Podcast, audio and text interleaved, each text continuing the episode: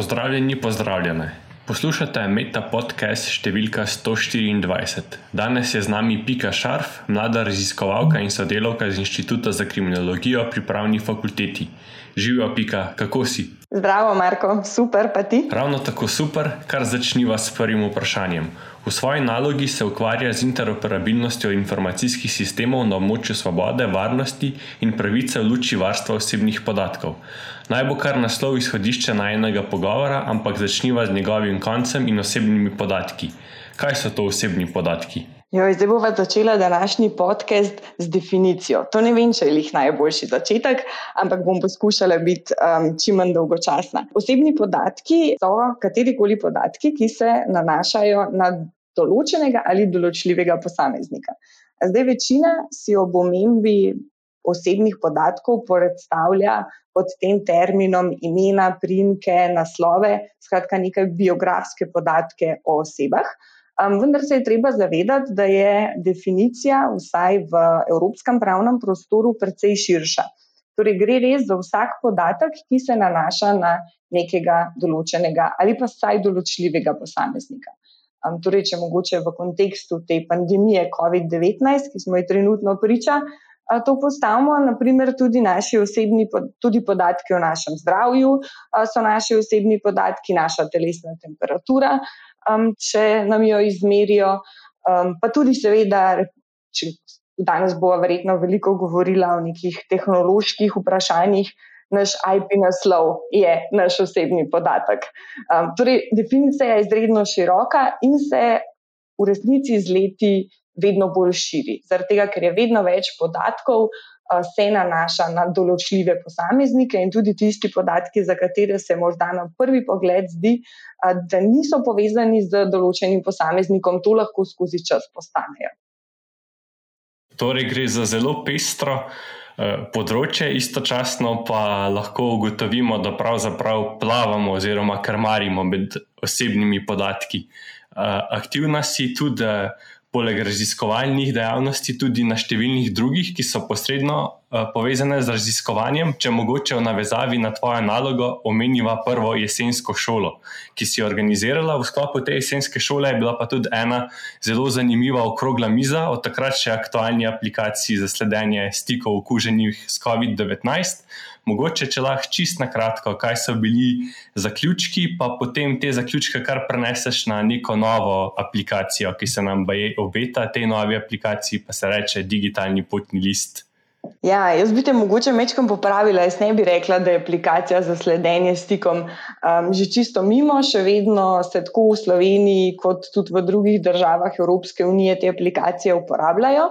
Um, Je pa res, da se trenutno mogoče ne govori več toliko o njih, predvsem zaradi tega, kar si tudi že omenil, uh, ker um, je prišla nasproti že neka nova tehnološka rešitev, uh, s katero se bomo morda v prihodnih mesecih spopadali z epidemijo.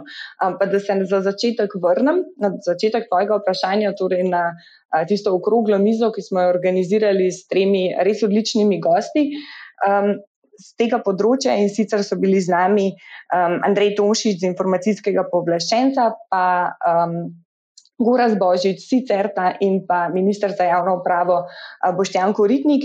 In mislim, da so se vsi trije um, sogovorniki na koncu strinjali, uh, da je aplikacija, ki je na voljo v Sloveniji in da mili na nemški aplikaciji za sledenje stikom, uh, tehnološko izredno dovršena aplikacija. Um, kar seveda zmanjšuje tudi tveganje za varstvo osebnih podatkov, uh, ni pa seveda mogoče spregledati dejstva, da uh, ta aplikacija vendarle obdeluje um, osebne podatke, ne samo osebne, ampak posebej občutljive osebne podatke, glede na to, da vsebuje podatek o tem, ali smo bili okuženi z um, boleznijo COVID-19. Um, predvsem pa, oziroma tukaj se morda naši um, gostje niso najbolj strinjali, uh, to pa je vprašanje učinkovitosti te aplikacije, eh, ne samo eh, učinkovitosti z tega tehnološkega vidika, ampak tudi v, širš, v nekem širšem kontekstu uporabljivosti te, te aplikacije. Predvsem so opozorili na to, na kar smo opozorili tudi že um, sodelavci Inštituta za kriminologijo marca in sicer, uh, da sama po sebi aplikacija pravzaprav ne more biti učinkovita, um, da mora biti del nekega širšega sistema zdravstvenega varstva, torej pravočasnih testiranj, uh, širokega testiranja, torej da je testiranje uh, dostopno res širokim množicam. Um, predvsem pa, da um, Predvsem pa je problematično tudi to, da ta aplikacija je dostopna zgolj uporabnikom pametnih telefonov. Uporabniki teh telefonov pa žal niso najranljivejša skupina v trenutni situaciji, to so najstarejši. Ja, to nedvomno drži. Hvala za ta strnjen povzetek. Eh, o informacijskem pooblaščencu se bo še pogovarjala v nadaljevanju. Zdaj pa, če mogoče, ker si ravno omenila pametne telefone, kako bo potem možno recimo potovati po svetu, če bomo imeli eh, ta digitalni potni list na nepametnem telefonu, oziroma kaj bo alternativa temu, mogoče samo na kratko. Digitalni potni listi oziroma aplikacije, v katere bi vnašali podatke uh, o tem, ali smo bolezen COVID-19 že preboleli, ali pa po drugi strani podatke o tem, ali smo cepljeni ali ne, uh, naj bi na nek način uh, bili, bila tista vstopnica za prehod meja v, prehod, v prihodnjih mesecih. Ravno pred nekaj dnevi sta Švedska in Danska napovedali, da boste takšno aplikacijo uvedli že do letošnjega poletja.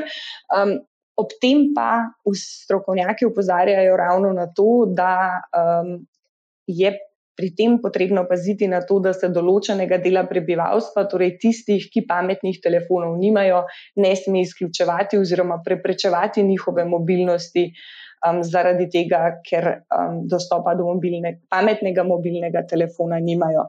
Uh, in uh, alternativa temu je gotovo um, nek pisni dokument, torej neka taka vrnitev v analogno dobo, uh, ki bi vsaj za tiste posameznike, ki nimajo pametnih telefonov, uh, predstavljali vstopnico v druge države Poleg tega pa bi reševali tudi problem, če seveda v tistem trenutku ta aplikacija ne bi delovala, ali pa če vem, najbolj banalni primer ti zmanjka baterije, torej da imaš neko alternativo, ki ti vendarle omogoči prehod meje. Ko govorijo o aplikacijah, me zanima, kako je možno, da pravzaprav tehnološki velikani skozi svojo politiko delovanja skrbijo, vsaj na vidi, za zasebnost svojih uporabnikov. Tukaj imam pa predvsem v mislih to, da pravzaprav oni določijo oziroma predpogojujejo, da namestitev nekih aplikacij eh, mora temeljiti na tej prostovoljnosti. Mogoče daš lahko v kakšen širši kontekst, ni nujno, da smo tako zelo zamejeni, kot sem te poskušal v prejšnjem vprašanju. Ja, ravno to. Ne. To je del nekega veliko širšega problema, nek del širšega vprašanja uh, teh tehnoloških gigantov. Trenutno govorimo o šestih največjih, uh, to so Microsoft, Apple. Facebook, Netflix, Amazon in pa Alphabet, ki je lastnik uh, Google. Um, in to so podjetja, ki so v lanskem letu še povečala svoj primat, utrdila svojo moč. Um, in ravno ta, moč, ta njihova velikost jim daje, jim daje moč, da pogojujejo, um, oziroma da postavljajo takšne pogoje. Uh, naprimer, če, si, če želimo um, ponujati neko aplikacijo v njihovi spletni trgovini, torej v App Store, naprimer, če govorimo o Apple, je pač treba sprejeti njihove pogoje poslovanja, a ne glede na to, ali gre za nekega zasebnega, za nek zaseben subjekt ali pa za državo. In tukaj je ta, ta veliki boj med velik, temi tehnološkimi giganti na eni strani, ki svojo močjo lahko na nek način že operirajo manjšim, pa tudi ne tako majhnim državam in seveda postavljajo pogoje na številnih področjih, tudi naprimer na davčnem. Super, eh, z vprašanji smo začeli z desne proti levi, če gledamo tvoj naslov, se pravi, sedaj recimo, da smo hipno predelali področje osebnih podatkov, ampak ker doktorat pišeš o informacijskih sistemih Evropske unije, ki vsebujejo podatke o državah oziroma državljanih tretjih držav, in ti se vedno bolj pogosto uporabljajo tudi v boju proti terorizmu, če se ne motim.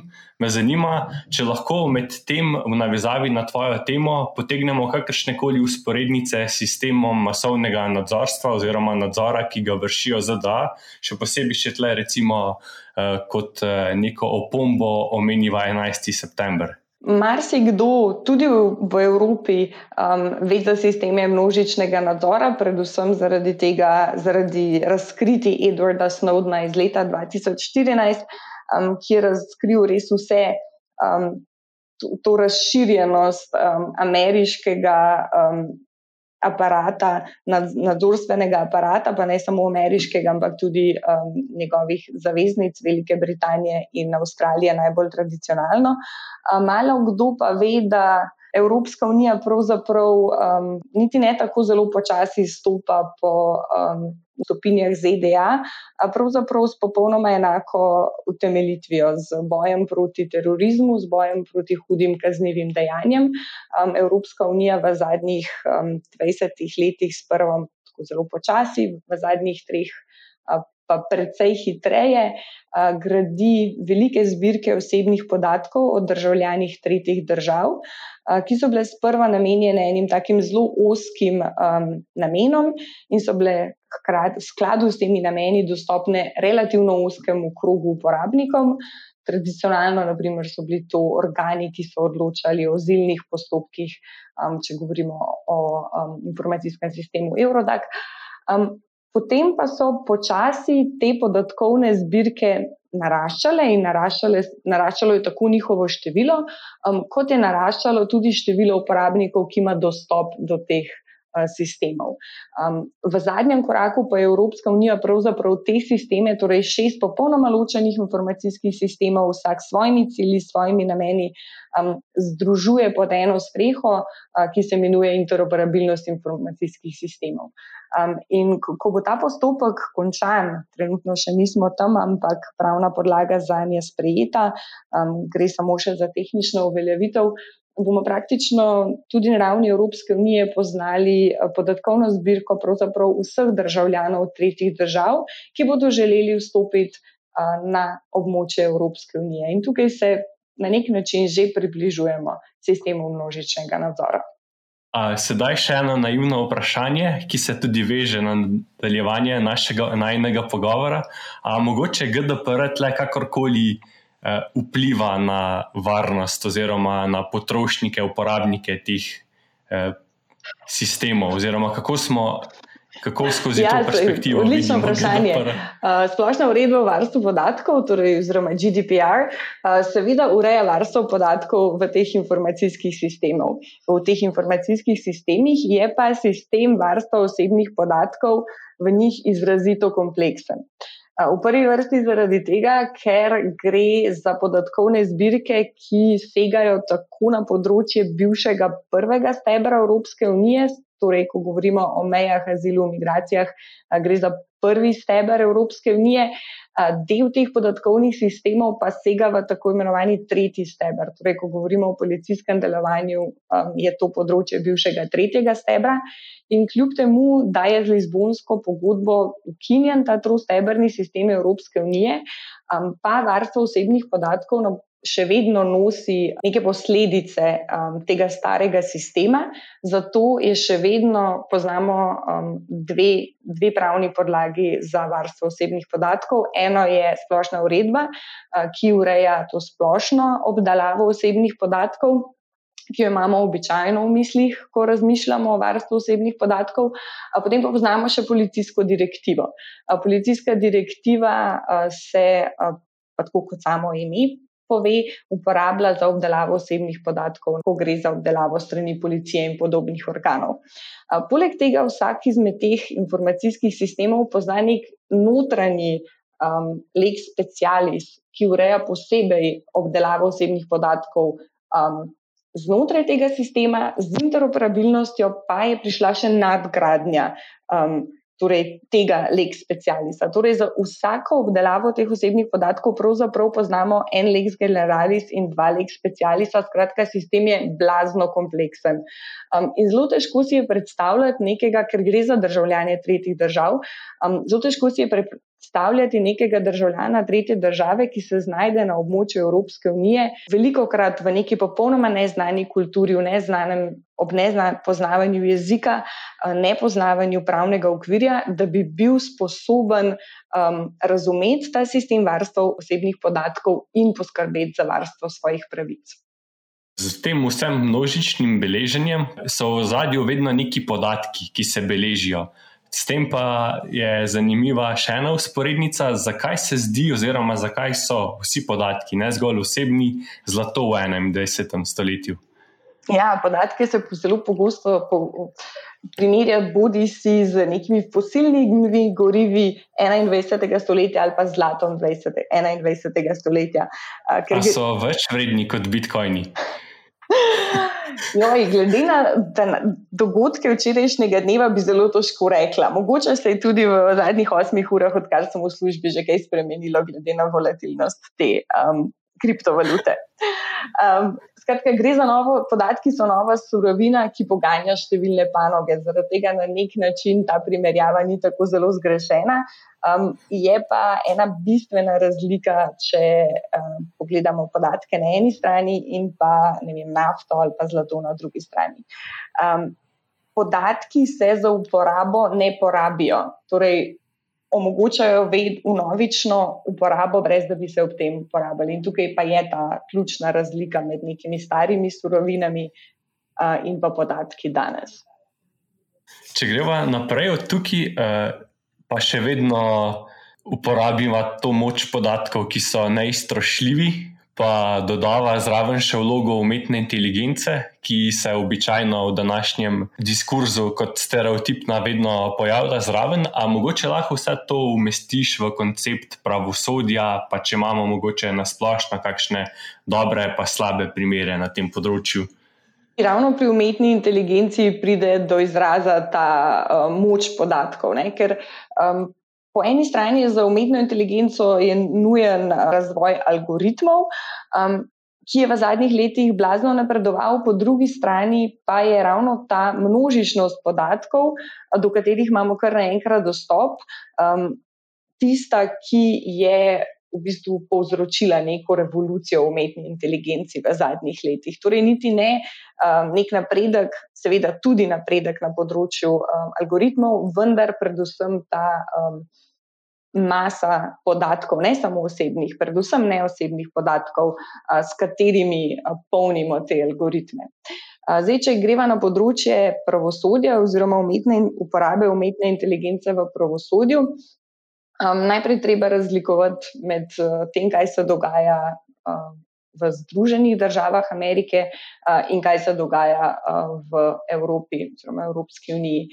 Medtem, ko algoritemsko odločanje je v neki podoločeni meri že v uporabi v Združenih državah Amerike, predvsem, ko govorimo o kaznovanju in o odločanju o pokojnih odpustih. Kako se pa to vidi?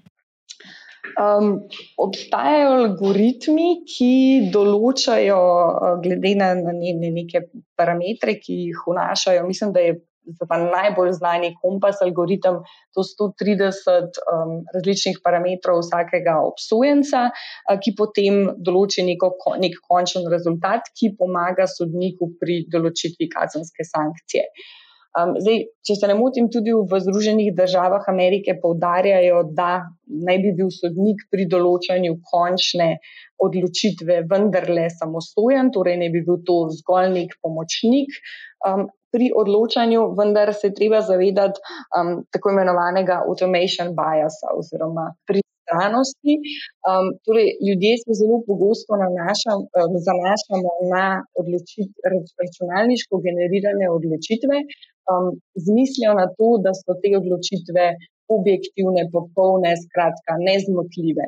Um, ob tem, da temu ni tako, um, pogosto gre, ker so tudi te računalniško generirane odločitve pravzaprav temelijo na odločitvah, na človeških odločitvah, ki pa so seveda včasih tudi napačne, um, tudi te rezultati, ki nam jih ponuja umetna inteligenca ali pa neki pametni algoritmi, niso vedno objektivni in popolni. Uh, gre za tako imenovani problem garbage in, garbage out. Torej, v primeru, da so vhodni podatki slabi, tudi končni rezultat ne more biti dober. Če razmišljamo o nekem objektivnem računalniškem oziroma umetno inteligentnem sodniku vedno postavlja vprašanje, kaj je tista končna resnica oziroma, oziroma ta ground truth, um, kaj je najpravilnejša odločitev. In veliko krat bi imeli težavo že s tem, da se pravniki med sabo ne bi strinjali, kaj je najpravilnejša odločitev zaradi tega.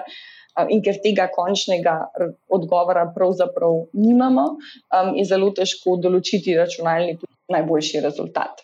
Zdaj, če se vrnem za trenutek še v Evropsko unijo, glede na to, da je um, vredno za nas bolj relevantno, um, ne predstavljam si za res, oziroma postavlja se vprašanje, ali je lahko takšno avtomatizirano odločanje v pravnem sistemu, kot ga poznajo evropske države, um, sploh sprejemljivo. Tik preden pridemo v ta sklepni del, me zanima še naslednja stvar. Kako je biti zaposlen na inštitutu, ki je prejel priznanje varuh zasebnosti? Kaj sploh je to priznanje, ki ga sicer podeljuje uh, informacijski pooblaščenec, nagrado oziroma priznanje se pa imenuje ambasador zasebnosti? To nagrado je Inštitut za kriminologijo pri pravni fakulteti, torej moj delodajalec. Um, prejel na 28. januarja letos za udejstvovanje v preteklih letih. Um, In uh, izredno smo ponosni, mislim, da tukaj lahko govorim kar v imenu tudi ostalih sodelavcev, um, na to, da smo to priznanje prejeli ravno v letu, ko je bila pravica do zasebnosti, pravica do varstva osebnih podatkov, kar na močni preizkušnji. Sicer, kako je biti zaposlen na inštitutu za kriminologijo, um, verjetno se oba strinjava, da bi težko, ki je našel delovno okolje, ki je bolj sproščeno, bolj uh, produktivno, skratka, kjer bi lahko uresničeval uh, svoje cilje, svoje ideje in imel popolno podporo svojih sodelavcev, in zato sem jim res uh, vsak dan zelo močno hvaležna. Eh, zdaj pa še, če ostanemo pri tem družbenem angažmaju, če lahko temu tako rečemo, odkje je ideja za organizacijo jesenske šole, zdaj je že tradicionalna, pravo pred izzivi digitalne revolucije. Na začetku smo že nekaj malega o njej govorili. Ja, letos je potekala druga izvedba uh, te jesenske šole. Letos niti ni bila jesenska, je bila bolj jesensko-zimska, uh, ker nam je zagodil uh, koronavirus in smo morali uh, obliko malce prilagoditi. Um, ideja se mi je porodila zaradi tega, ker um, v času študija, kar ni, bilo, kar ni tako zelo dolgo nazaj, uh, pravzaprav zelo malo slišiš o tem. Področju na presečišču prava in tehnologije.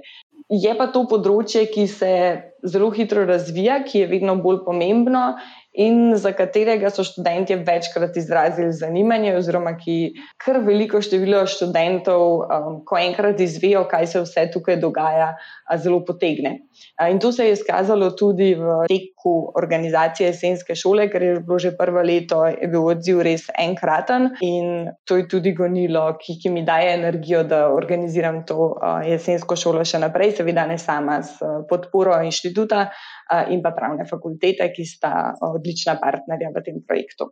Čestitke za vse pretekle izvedbe, istočasno se pa kot mnogo ljudi veselim že naslednje.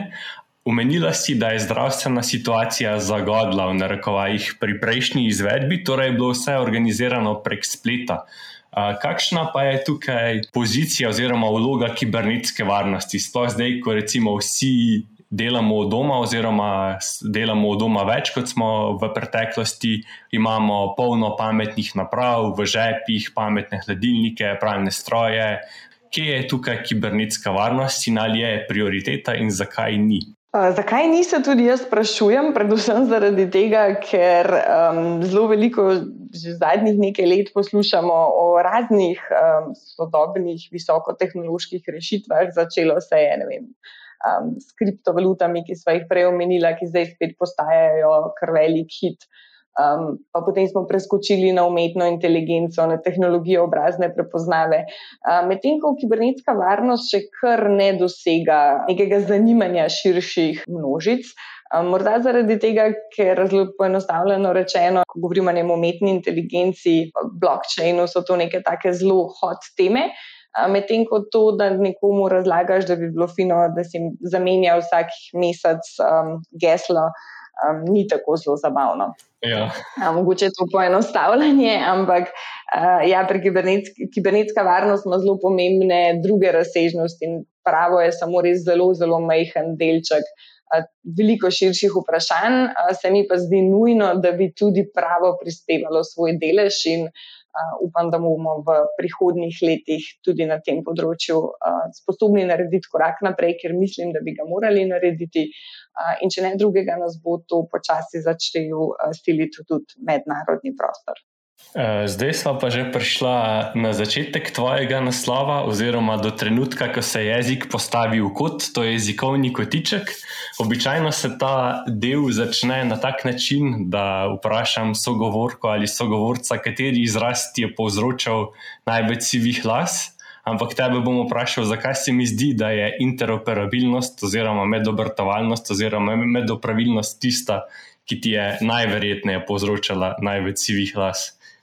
Ne, tukaj se pa motiš. Interoperabilnost eh, povzroča sive lase vsem ostalim. Jaz sem se kar hitro sprijaznila z njo in nimam uh, nobenih pomislekov glede tega prevoda. Um, tudi vedno uporabljam izraz interoperabilnost, nikoli medobratovalnost. Um, mi je pa hude težave, mogoče hude težave pretirano, ampak. Um, Besedna zveza law enforcement v slovenščini nima ustreznega, krajšega prevoda.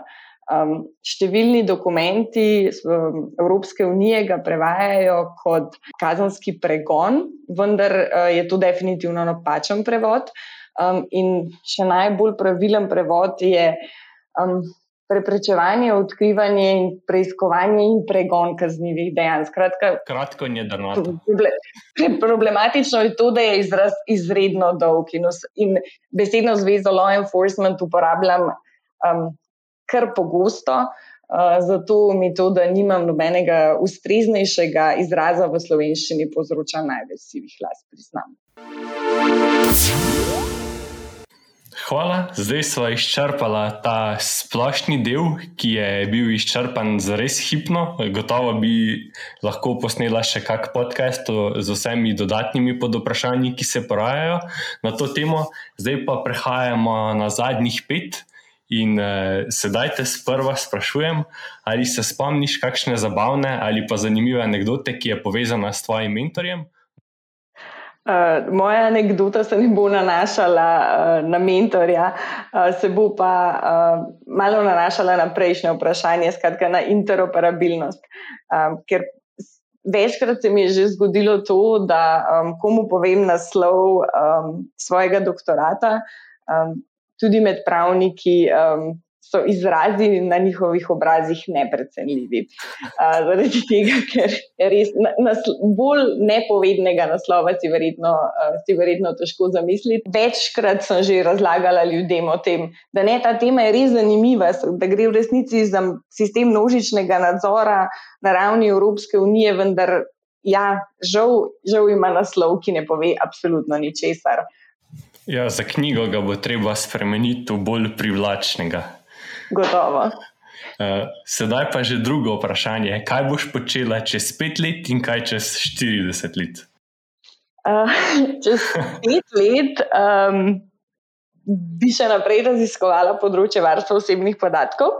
Mogoče bi se bolj osredotočila, oziroma več svoje pozornosti namenila pravnim vprašanjem kibernetske varnosti. V idealnem svetu bi bilo tudi to področje, ki bi ga um, lahko predavala študentom, oziroma znanje z tega področja predajala mlajšim generacijam.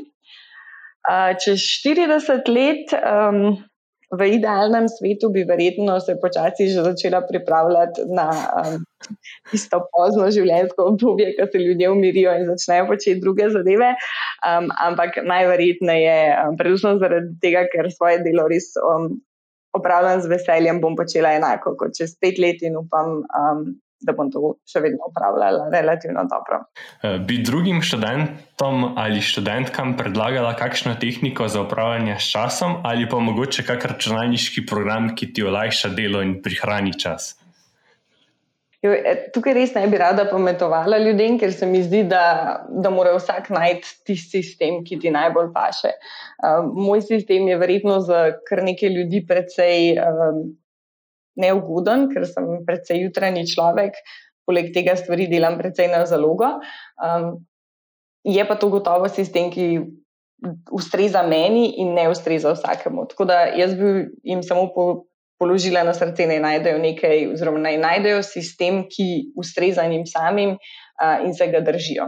Sedaj še vprašanje, ki se veže na priporočilo filmov, serij, literature. Ja, tukaj bi omenila par dokumentarcev, ki so mojega področja dela in se mi zdijo zelo zanimivi. Um, prvi govori o um, pristranostih, ki so ugrajeni v algoritme, in je uh, naslov je Coded Bias mislim, da je lansko leto išel. Uh, poleg tega bi še priporočila še The Great Hack in The Social Dilemma, uh, oba Netflixova dokumentarca o teh socialnih medijev.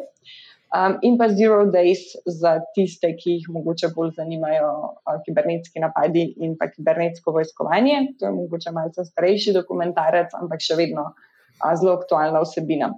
Um, glede poslovja, bi pa rekla, da je moja najljubša, v zadnjih letih najljubša Sally Rooney in njena romana Normalni ljudje in pogovori s prijatelji. Pa virus, da je goloba, na to ne smemo pozabiti, smo le v teh časih. Ja, več kot aktualno. Če ne bi bilo nobenih omejitev, koga bi od znanih ali neznanih ljudi povabila na večerjo? Ja, to se že sliši tako klišejsko, sploh glede na moj odgovor na prejšnje vprašanje, kako je delati na inštitutu za kriminologijo. Ampak, uh, če bi ta trenutek morala izbrati, um, s kom si želim iti na večerjo, oziroma se udeležiti nekega podobnega dogodka, bi si želela samo to, um, da bi inštitut čim prej lahko organiziral našo tradicionalno novoletno zabavo, ki smo jo lani iz očitnih razlogov morali. Um, Predstaviti za nedoločen čas, in na kateri bi se zbralo ne, ne samo en zanimiv sogovornik, ampak kar nekaj zanimivih sogovornikov, Um, poleg tega pa ne smemo pozabiti na zabavno komponento, ki bi bila gotovo tudi um, izjemna. Ta odgovor je zmaga za konec. Hvala, Pika, da si si vzela čas. Hvala tebi, Marko, za vabilo. Uh, uživaj pa uspešno pisanje in se vidimo. Najlepša hvala. Poslušali ste Meta podcast, v katerem se pogovarjamo z mladimi znanstvenicami in mladimi znanstveniki iz različnih področji znanosti. Podcast domuje na spletišču metinalista.si, kjer najdete tudi druge zanimive znanstvene vsebine. Naše delo lahko podprete z donacijo Metinalisti, pohvale, pripombe in predloge lahko posredujete na elektronski naslov znanost.afna.metinalista.si. Dobrodošli so tudi komentarji na Facebook profilu Metina Liste in Twitter računu, ki še ni izbrisan. afnametinalista.si se slišimo čez 14 dni.